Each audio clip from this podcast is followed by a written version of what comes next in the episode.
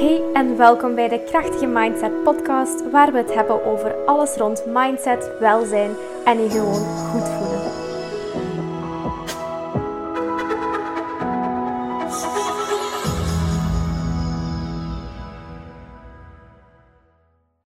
Hey en welkom bij de Krachtige Mindset Podcast. Vandaag interview ik Stefanie Smolders. Stefanie is business coach en helpt vrouwelijke ondernemers vanuit hun missie naar buiten te komen.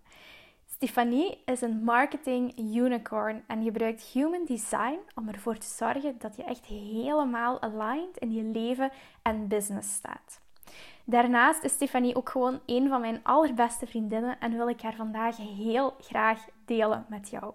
Veel luisterplezier. Hey, welkom Stefanie. Welkom in de Krachtige Mindset Podcast. Ik ben heel blij dat je er bent. En ehm, ja, ik ga het woord al meteen aan jou laten. Wie ben je? En wat doe je? Tof. en vind ik ben nu ook al mee. zijn? Ja, daar. Altijd als ik een kans heb om met jou te babbelen, is super tof. Ehm, omdat we ook al mega lang vriendinnen zijn. Ik had over laatste Facebook-melding, zeven jaar. Wat? Zeven. Ja, het is lang hè? Zeven jaar is heel lang. Zeven jaar is zo meestal het jaartal dat de meeste relaties zo'n itch beginnen te krijgen. Hè? De seven-year itch. Maar daar hebben wij gelukkig geen last van. Dus... Nee, ik ben nog niet aan het krabben. Dus alles is nog wel oké. ik ook niet. Stefanie, Vertel eens, uh, want ik ken jou natuurlijk heel goed en jij kent mij natuurlijk door en door. Maar voor de mensen die jou nog niet kennen, wie ben je en wat doe jij eigenlijk precies allemaal? Ja, super tof dat ik over mezelf mag babbelen, want dat vind ik altijd wel heel leuk. Um, ik ben dus Stefanie, afkomstig uit Limburg, klein stadje, dorpje, Lummen, zeg maar. Ik ben dit jaar 30 geworden en ik reis al bijna vijf jaar samen met mijn vriend Pieter de wereld rond. Voorheen was ik ook leerkracht, net zoals Jolien, net zoals jij. En ehm, dan heb ik eigenlijk beslist, ik had wel side hustles en ik had al wel bedrijven en dat soort dingen, maar ik deed daar nog van alles en nog wat bij, omdat ik niet super confident was, niet zelfzeker voor echt fulltime voor mijn bedrijven te gaan. Dus na een aantal jaren in het onderwijs te werken, hebben wij besloten om um, alles in België op te zeggen. Huis, auto's, kleding weggegeven, meubels, alles wat je maar verzamelt in je hele leven opgegeven om dan te gaan reizen zonder plan. En nu momenteel, deze podcast wordt opgenomen terwijl ik in Maleisië ben, in de hoofdstad Kuala Lumpur. En dat is al een beetje, ja, bijna vijf jaar mijn leven zo. En ik momenteel coach ik vrouwelijke ondernemers die echt een passie, die echt een missie hebben in de wereld, om die op hun manier neer te zetten met hun verhaal, met hun kracht en met een marketingstrategie die werkt voor hen. Oké, ja, dat klinkt heel goed. Ik weet natuurlijk wat je doet en ik vind dat echt geweldig dat je daar zo je missie in hebt gevonden. Um, en waar ik vooral in ben geïnteresseerd, want je vertelde over die hele journey van leerkracht in België met een bepaalde mindset waarschijnlijk naar het buitenland. Heel veel onzekerheid in het begin. En als ondernemer heb je altijd wel een zekere onzekerheid die speelt. Wat doet dat met je mindset? Dat zorgt er wel voor dat je opeens heel erg naar jezelf moet gaan kijken.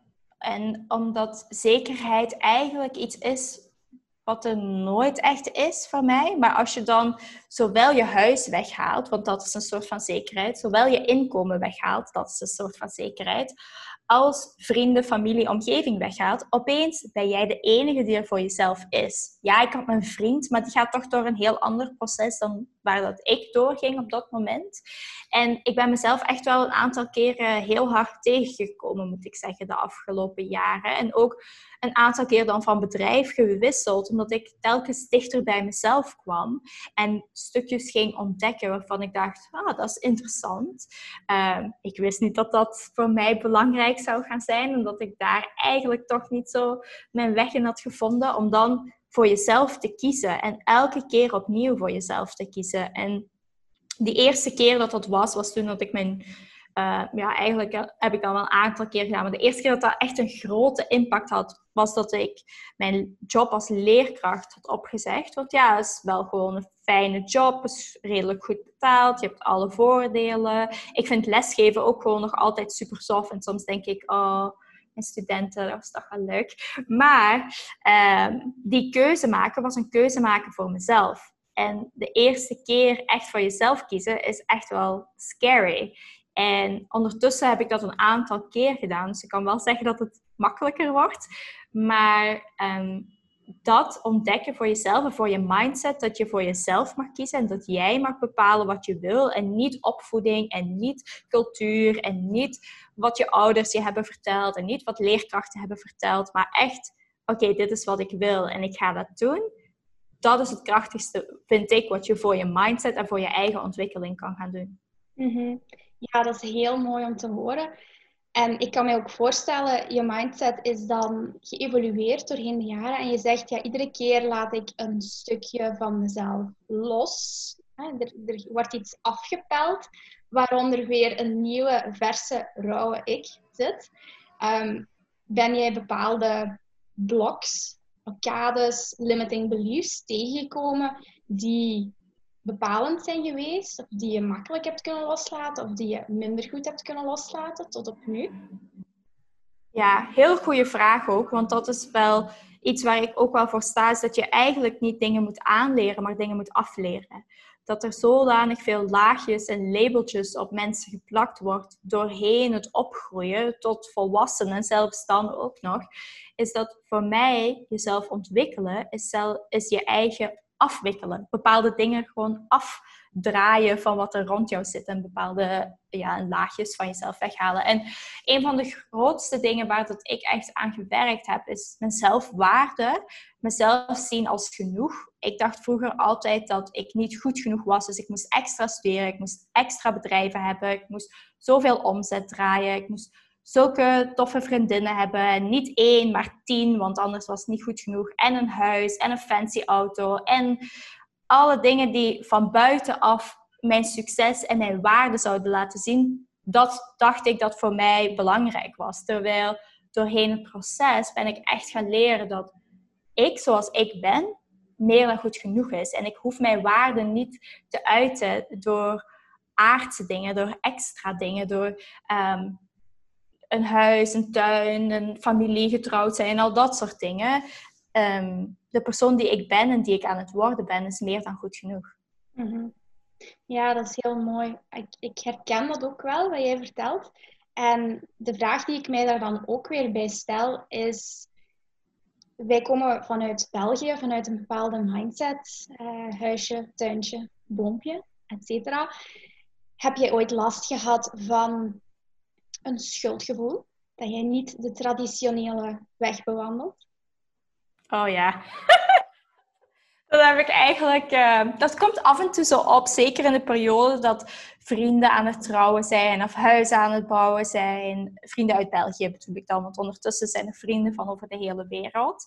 Maar als ik dat zo zie op Facebook dan voornamelijk, en als ook mijn ouders, die eigenlijk wel hadden gewild dat dat mijn traditionele pad zou zijn. Als daar vragen rondkomen, dan heb ik altijd een soort van ja, schuldgevoel of, of zo'n raar gevoel van waarom wil ik dat niet? Waarom ben ik anders?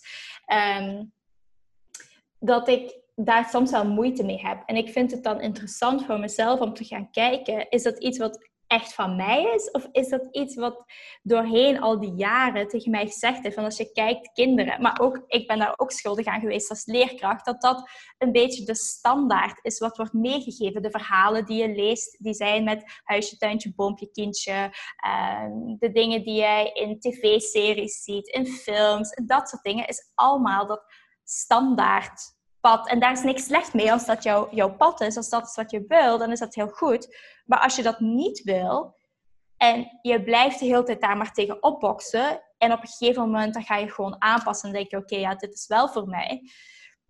Dan uh, leef je eigenlijk helemaal niet volgens je design of volgens waarom dat je hier bent en wat dat je hier te doen hebt. En dat gaat zodanig aan je vreten. In elk geval bij mij ging dat toen der tijd, voordat ik al die beslissingen had gemaakt, ging dat echt aan mijn aan mijn, mijn zelfbeeld knagen en aan het feit dat ik me nergens thuis voelde. In België heb ik dat eigenlijk nog steeds niet. Hè. Je zegt je hebt een bepaalde mindset in België. Jij en een aantal anderen, daar voel ik me heel goed bij in België. Maar als ik nu zou moeten terugverhuizen, denk ik dat ik nog heel veel mindset dingen voor mezelf ga mogen shiften. Um, Nederland is dan al heel anders bijvoorbeeld. Maar dat ik op dat moment echt dacht van, er is iets mis met mij. Want ik wil al dat soort dingen niet. En dat wordt wel van mij verwacht. Dus waarom wil ik dat niet? Waarom kan ik nu niet gewoon dat accepteren en dat doen? En soms komt dat nog wel naar boven, maar dan herinner ik mij weer aan mijn grotere missie en waarom wat ik doe, wat ik doe. En hoe krachtig het is dat ik vrouwelijke ondernemers mag begeleiden om hun eigen missie in de wereld te zetten op hun manier. En dan denk je, ja, dat is ook mijn missie. En daarom hoef ik niet een huis, een tuin, boom en baby's te maken. Uh, dat kan, maar dat hoeft niet als ik dat niet wil. Ja, inderdaad. En vanuit die ervaring, wat zou jij zeggen tegen de Belgische vrouw die nu aan het luisteren is en die zegt, ja, maar ik herken die struggles wel heel erg. Ik merk ook dat ik het gevoel heb dat ik in een soort vast pad vastzit en dat ik daar eigenlijk uit wil breken. En ik voel al die symptomen die daarbij meegaan dat ik daaruit moet breken, maar ik weet niet waar ik moet beginnen. Wat zou je tegen haar zeggen? Twee vragen. Eén vraag zou heel duidelijk zijn: ehm, ga ontdekken waar dat het vandaan komt. Waar komt die itch of die kriebel vandaan dat je iets anders wil? Is dat omdat je je omringt met mensen die anders zijn? Of is het net omdat je je omringt met mensen die allemaal hetzelfde zijn? En heb je dat rebel-achtig zijn, dat uh, tegen de draad ingaan, dat zwarte schaap, heb je dat in jou? zijn gewoon bepaalde mensen waar dat, dat standaard is. En dan een bepaalde hobby hebben kan al genoeg zijn om daar een shift in te gaan maken. En de tweede vraag zou echt zijn, wat wil je dan wel? Wat is dan wel hetgene wat je wil? Je zit nu heel erg in dat vaste stramien en je, je hebt een bepaalde kijk op het leven en een bepaalde box waar je nu in zit. Als die box er niet was, als dat stramien er niet was, hoe zou dan jouw ideale leven eruit zien? En begin daar een keer over te schrijven, tekenen, praten met mensen, whatever. Um, zodat je voor jezelf duidelijkheden kan gaan krijgen. Zoals voor mij was bijvoorbeeld vrijheid een hele grote. En ik voelde mij echt gevangen in België. En dat was echt een gevoel, zo'n soort van verstikkend gevoel. Dat ik dacht van, wat ben ik aan toen? Reed ik op vrijdagavond uh, naar huis, na school. En dan dacht ik echt van, oké, wat heb ik deze week nu echt gedaan? Wat heeft dit nu bijgedragen aan de wereld? Ja, oké, ik heb wat kinderen geholpen en ik heb, wat, ik heb leuke collega's en dat soort dingen. Maar ik word hier niet diep gelukkig van. En dan reed ik diezelfde avond met vriendinnen uit eten en dan ging het altijd over hetzelfde. En dan dacht ik, ja, dit is echt niet wat ik... Niet slecht op mijn vriendinnen, maar dit is gewoon echt niet wat ik wil. Als ik dit binnen tien jaar nog heb, wat dan? En dat is eigenlijk ook een goede oefening. Als je voor jezelf gaat voorstellen als dit exact deze dag binnen tien jaar exact hetzelfde gebeurt, zou ik dan gelukkig zijn? Dan je vraag nee is, dan is het tijd voor verandering. Hmm. Ja, ik herken ook weer heel erg wat je vertelt, want ik ben, uh, ik zie mezelf ook nog terugkomen van een volle lesdag op school en denken, ga ik dit binnen tien jaar nog doen? En het antwoord was ook nee. En ik herken ook heel veel het verstikkende gevoel dat jij beschrijft. Het gevoel alsof iemand mijn keel dichtknijpt en mijn hele maag dichtknijpt. En ja, ik had ook echt zo het gevoel van als ik hier niet snel ga uitgeraken, dan, uh, ja, dan ga ik gewoon ineenstuiken op een goede dag. En met mijn burn-out heb ik dat natuurlijk ook gedaan. Dus um, je lichaam weet het altijd beter dan jezelf en geeft jezelf ook altijd die signalen. Hè? Uh, dus gelukkig heb ik toen wel ingegrepen, maar inderdaad, ik denk dat je heel goede tips hebt gegeven aan, aan wie zich daarin herkent. En inderdaad, jezelf constant die vragen blijven stellen. En je mindset durven openstellen en durven dromen over wat er allemaal mogelijk is. Dat is allemaal zo krachtig. En wat ik jou nog wil vragen is, jij zegt dan, je bent ook telkens naar een volgend level van jezelf gegaan. En je liep dan telkens ook weer tegen bepaalde mindset blocks aan. Hoe herken jij voor jezelf wanneer je aan het uplevelen bent welke zijn dan de symptomen en wat doe je als self-care op zo'n moment? Hmm. Ja, die up-level, ik merk dan vaak dat ik in een soort van plateau kom. Dat het een beetje hetzelfde is en dat ik niet meer echt zie hoe dat ik kan groeien of mijn bedrijf kan groeien. En dat alles toch zo'n beetje hetzelfde begint te lopen. Dat ik dezelfde soort vrienden aantrek of een bepaalde soort klant. Of dat er dezelfde frustraties opkomen. Dan denk ik, oh, dit is interessant. Want dit heb ik x aantal maanden of x aantal jaren ook meegemaakt. Ik schrijf best wel veel en ik uh, reflecteer best wel veel. Dus ik kan dan ook effectief in mijn dagboek gaan terugbladeren en kijken van, hmm, dat, dat deel, dat lijkt heel sterk op wat ik nu aan het meemaken ben. En dan weet ik, oké, er is een next level, komt eraan. Want als ik dit nu ga doorbreken, dan ga ik uh, in elk geval dat stukje oplossen of dat laagje van mezelf uh, loslaten.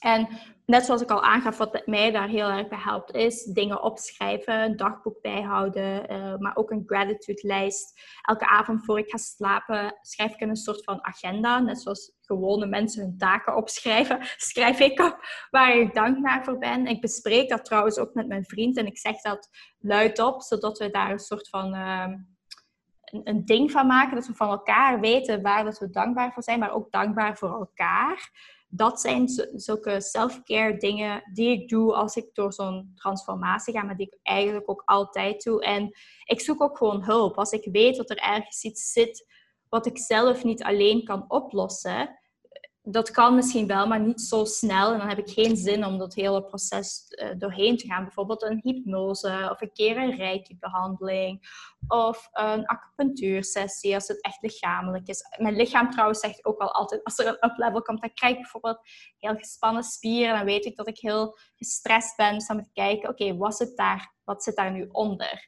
En dat soort dingen zijn onder andere self-care.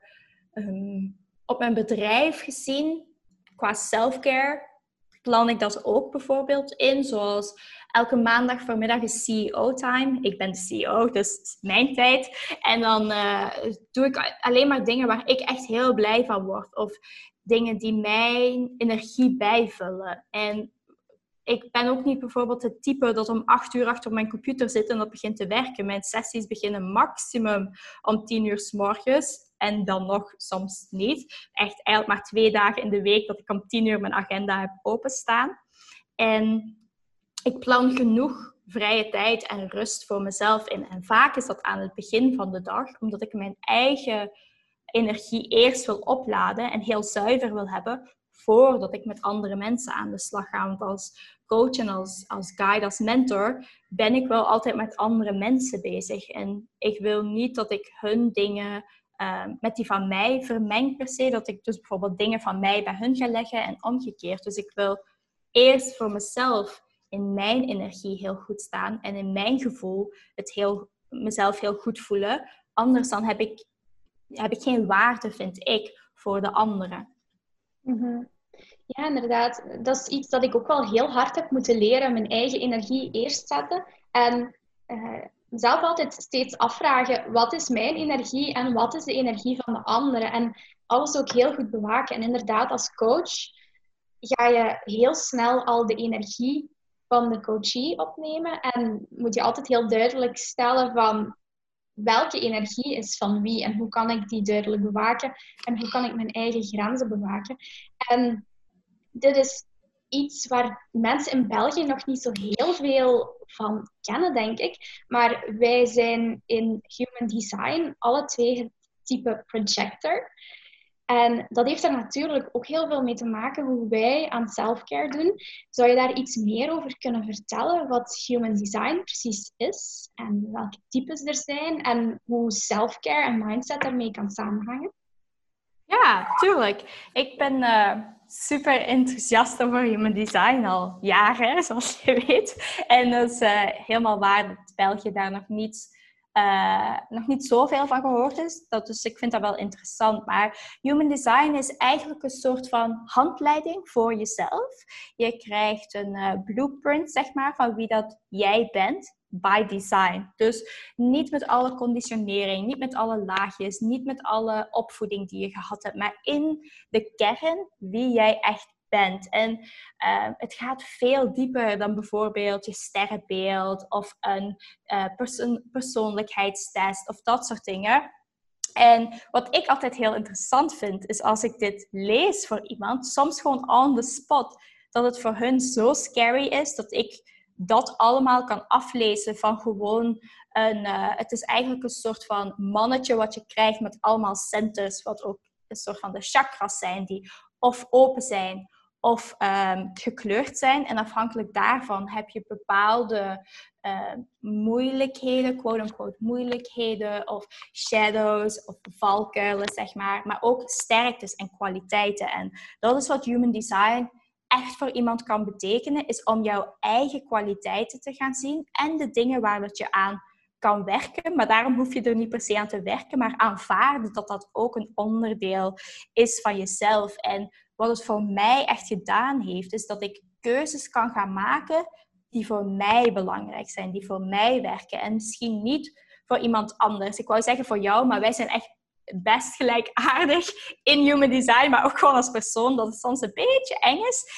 Um, maar voor anderen, zoals wij zijn projectors, dat zijn niet energietypes. Daardoor dat zelfzorg en onszelf opladen en tijd voor onszelf nemen super mega belangrijk is. Als niet het belangrijkste voor jou persoonlijk, maar ook als je een bedrijf hebt, ook als je een, uh, kinderen hebt, of als je iets anders hebt dan alleen jezelf, is, het, is dat stukje zelfzorg voor dat type heel belangrijk. Maar je hebt eigenlijk vijf types.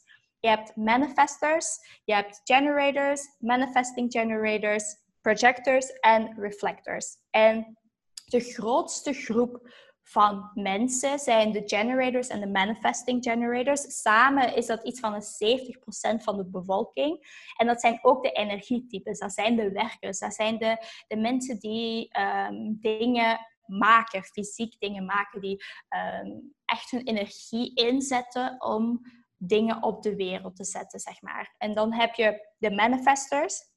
Dat zijn de initiators, dat zijn degenen die de eerste stap zetten, die de actie aanzetten, die een soort van de uh, aanstekers zijn van het vuur van de generators, zeg maar. Als je het zo uh, voor gaat stellen. Een soort van een werkvorm.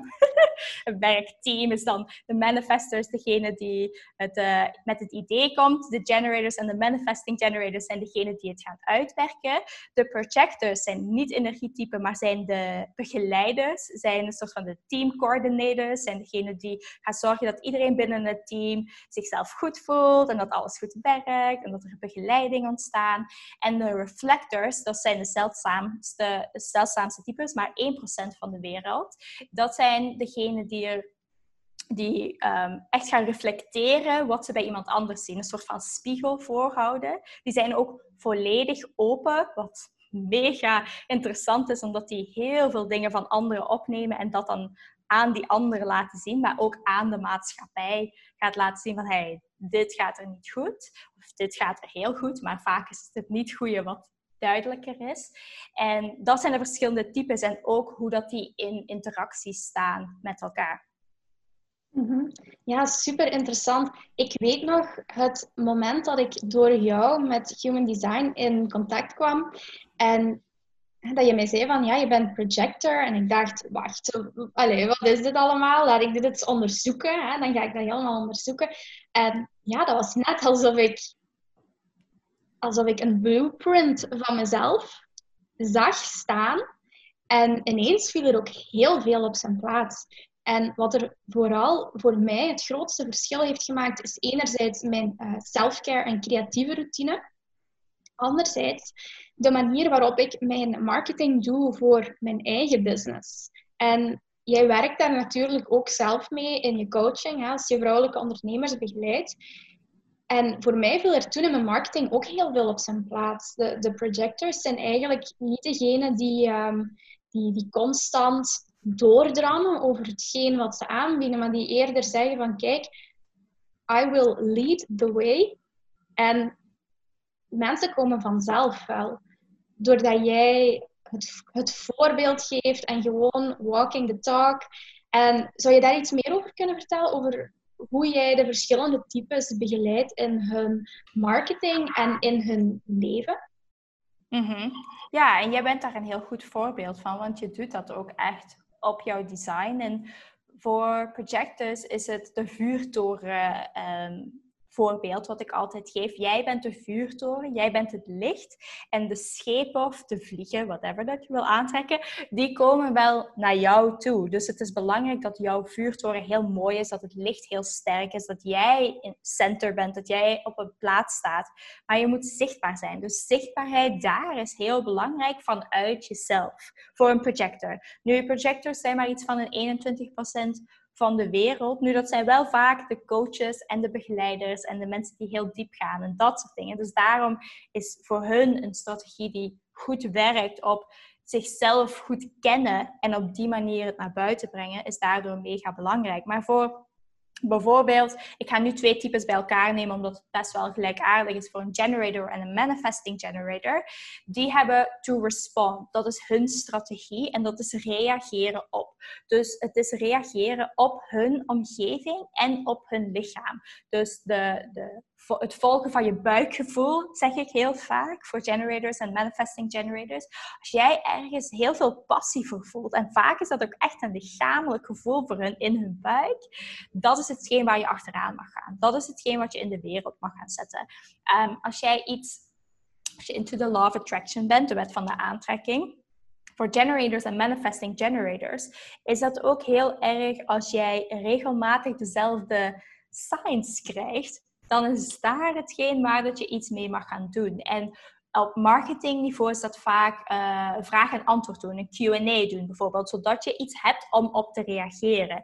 Vaak een sticker gebruiken, de poll-sticker in stories, zodat ja, nee, en dan kan jij zien, oh, mijn audience wil hier meer over weten, dus dit was de vraag, nu kan ik het antwoord gaan geven. En op die manier gaat het voor hun veel makkelijker werken om vanuit uh, aligned action, vanuit inspired action en vanuit hun buikgevoel dingen te gaan naar buiten brengen. En dat is ook het omgekeerde. Als iets heel zwaar voelt, heel moeilijk voelt, als je zegt van, oh, ik voel me echt helemaal niet, niet zo enthousiast over dit, niet delen, niet maken, niet sharen. Want die energie achter hetgeen, hoe dat je dat naar buiten brengt, dat is mega belangrijk bij generators en manifesting generators, omdat dat een energietype is. Voor manifestors is ook een beetje een speciaal type. Ook maar 8% van de wereld. Die hebben de strategie to inform. En wat die vaak doen is heel, heel snel gaan over iets en iets uitbrengen, maar mensen vergeten mee te nemen in het proces.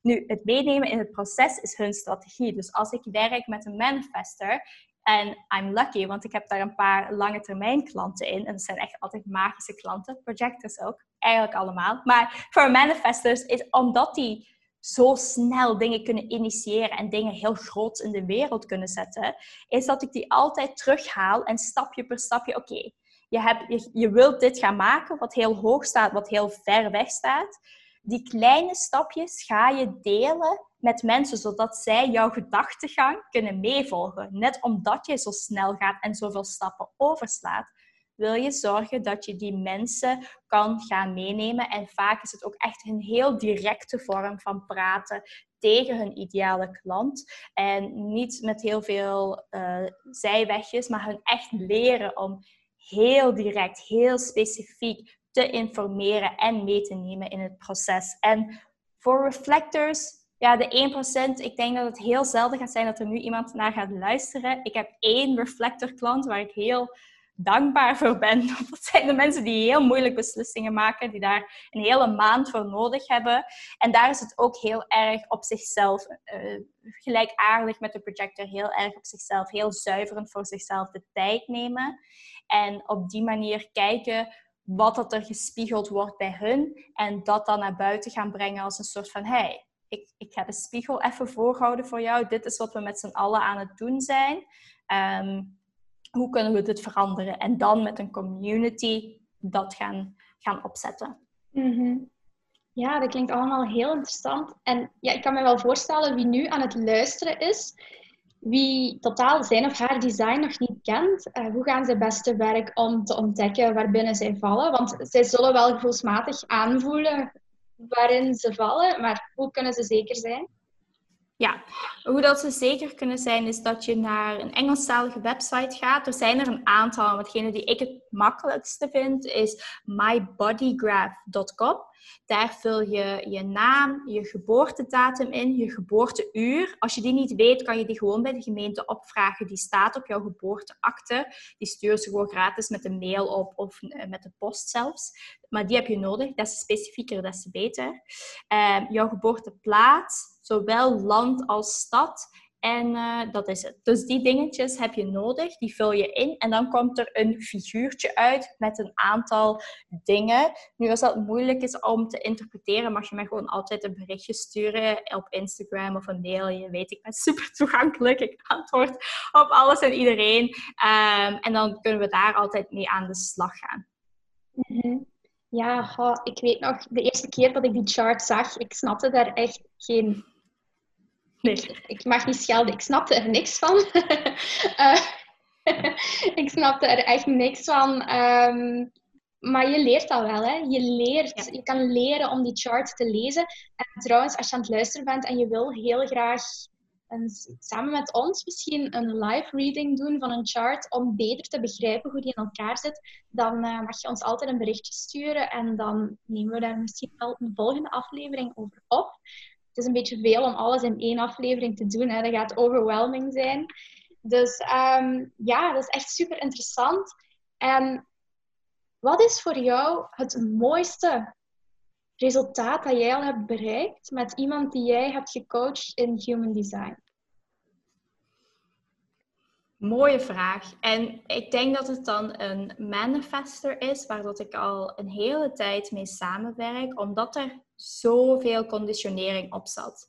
Dat was iemand die heel bang was van haar eigen kracht. Manifestors zijn heel krachtig. Die hebben echt een hele, hele sterke missie hier in de wereld. En die zijn daar vaak bang van. Um, afhankelijk ook nog van jouw profiel, dus de nummertjes in jouw chart, heeft daar ook nog wel mee te maken. En um, bij haar had ze echt heel veel meegemaakt in haar uh, omgeving, ouders, school, al dat soort dingen. En was een mega goede ondernemer, maar zodanig klein gehouden dat ze ook als ondernemer zichzelf heel klein hield. En echt maar zoiets had van, oh ja, ik wil maar een paar klantjes en ik wil maar een klein beetje dit. En heel krampachtig.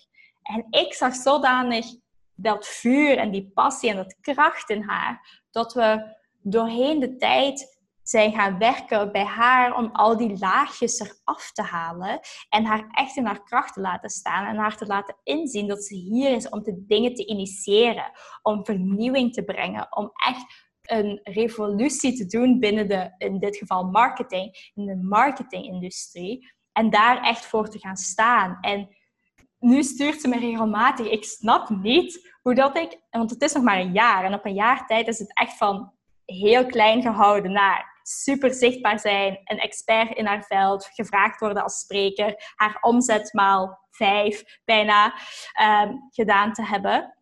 Ik snap niet dat ik mezelf toen zo klein hield. Ik zeg ja, maar er zat, jij zat daar al, maar er zat zoveel rond dat dat gewoon een proces was om voor jezelf één, jezelf te gaan accepteren en alle dingen die daarbij komen. Ja, je bent misschien uh, chaotisch, is wat heel vaak gelabeld wordt. Of je bent niet goed in dit, of je zal nooit een goede een ondernemer worden, want... Uh, zeg, dat zijn allemaal labeltjes die op jou geplakt zijn om jou klein te houden. Omdat mensen gewoon aanvoelen dat er iets in jou zit wat naar buiten wil. En ze zijn daar gewoon een beetje bang van. En dat ontdekken voor haar was echt, en voor mij, mind-blowing. En ja, super tof om daar onderdeel van te mogen uitmaken. Mm, ja, dat is echt wel heel mooi om te horen. Ik zie ook, ja, mensen zien jou nu natuurlijk niet, maar ik zie ook als jij erover aan het praten bent, dat je helemaal gaat stralen. Echt die, die lighthouse. helemaal, echt. Ik zie zo de lichtjes in je ogen en heel je gezicht gaat meestralen. Ehm, over dat verhaal, wat, wat ik ook nog graag zou willen weten, is als mensen zich herkennen in het gegeven van die deconditioning. We zijn geconditioneerd, er zitten heel veel verschillende laagjes over ons heen doorheen de jaren, wie we moeten zijn, wie we denken dat we moeten zijn, etc. Deconditioning is een, is een heel pijnlijk proces van loslaten en jezelf vinden. Ehm, wat zou je nog willen zeggen tegen iemand die voelt dat ze nu in dat proces zit? Dat ze er niet tegen vechten. En niet, uh, ik mag me niet verdrietig voelen, ik mag niet boos worden, ik mag niet dit. Uh, heel vaak, zeker vrouwen, krijgen een bepaald uh, laagje mee dat sommige emoties niet oké zijn. Een klein beetje, je mag wel een heel klein beetje gevoelig zijn. Of je mag wel een heel, heel klein beetje boos worden. Maar voel alle emoties en ga doorheen dat proces. Als je wil schreeuwen, wil je schreeuwen. Als jij op een kussen wil slaan, niet op mensen, please. Maar als je op een kussen wil slaan om jouw frustratie te uiten, doe dat. Als jij twee dagen wil benen op de zetel, doe dat gewoon.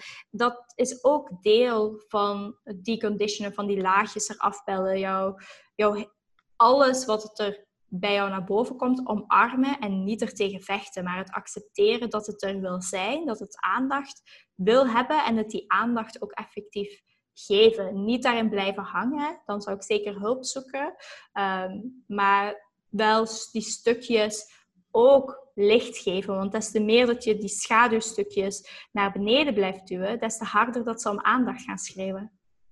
Ja, inderdaad. Ik ken er ook alles van. ik heb ook door... Iedereen. Iedereen. Iedereen, waar, als, als ik praat met iemand daarover, dan zeggen die altijd, ja... Allee, hoe meer je het blijft verdringen, hoe harder het ook naar boven komt. Hè. Dat is zoals een strandbal onder water willen duwen. Hoe harder je die onder water wil duwen, hoe feller dat die terug omhoog vliegt. Dus uh, ja, inderdaad, licht geven aan de schaduwkant. Ja, vind ik wel een mooie om, om mee af te sluiten voor vandaag ik denk dat dat altijd een beetje de kern is van elke journey. Of het nu een ondernemersjourney is of een mindset journey. Gewoon alles wat omhoog komt, aandacht geven en liefde geven, onvoorwaardelijk en verder gaan. Altijd terug opstaan. Hoe pijnlijk het ook is. Ja, ja inderdaad. Oké, Stefanie, waar kunnen mensen jou vinden als ze meer over jou willen weten? Geef al je kanalen. Wel, als je mijn naam, ja, als je mijn naam intikt, Stefanie Smolders, dan vind je me ook overal. Maar op Instagram ben ik het meest actief, voornamelijk stories. Um, dat is Stefanie met ph. Smolders. En mijn website is stefaniesmolders.com en daar staat ook heel veel informatie, artikelen. Ik heb ook een, uh, een podcast in het Engels. Ik doe wel alles in het Engels, maar ik spreek wel gewoon Vlaams en Nederlands. Um, maar daar kan je me overal op vinden. Oké, dan wil ik jou heel veel bedanken om hier vandaag het gesprekje met mij te doen. Ik ben altijd heel blij als ik gewoon met jou kan praten, of dat nu zo is of op de podcast. En is er nog iets dat je graag wil vertellen, de wereld in wil sturen? Laatste ja, Dat, dat iedereen jou moet volgen, want je bent echt een licht in de wereld. Ah, ik ben een lighthouse. Ja. nu zie ik constant die metafoor van de lighthouse voor mij. Oh, dat is heel lief. Dankjewel, Stefanie, om er te zijn vandaag. Ik vond het echt heel fijn. En we horen elkaar waarschijnlijk ook weer heel snel opnieuw. Ja, dank je. Ik wil je bedanken om te luisteren naar deze aflevering.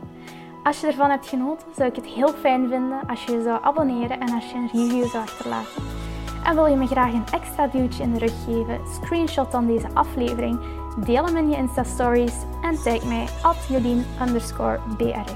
Het geeft me enorm veel energie om te zien hoe dit onderwerp jou raakt. Nogmaals heel erg bedankt om te luisteren en heel graag tot in de volgende aflevering van de Krachtige Mindset Podcast.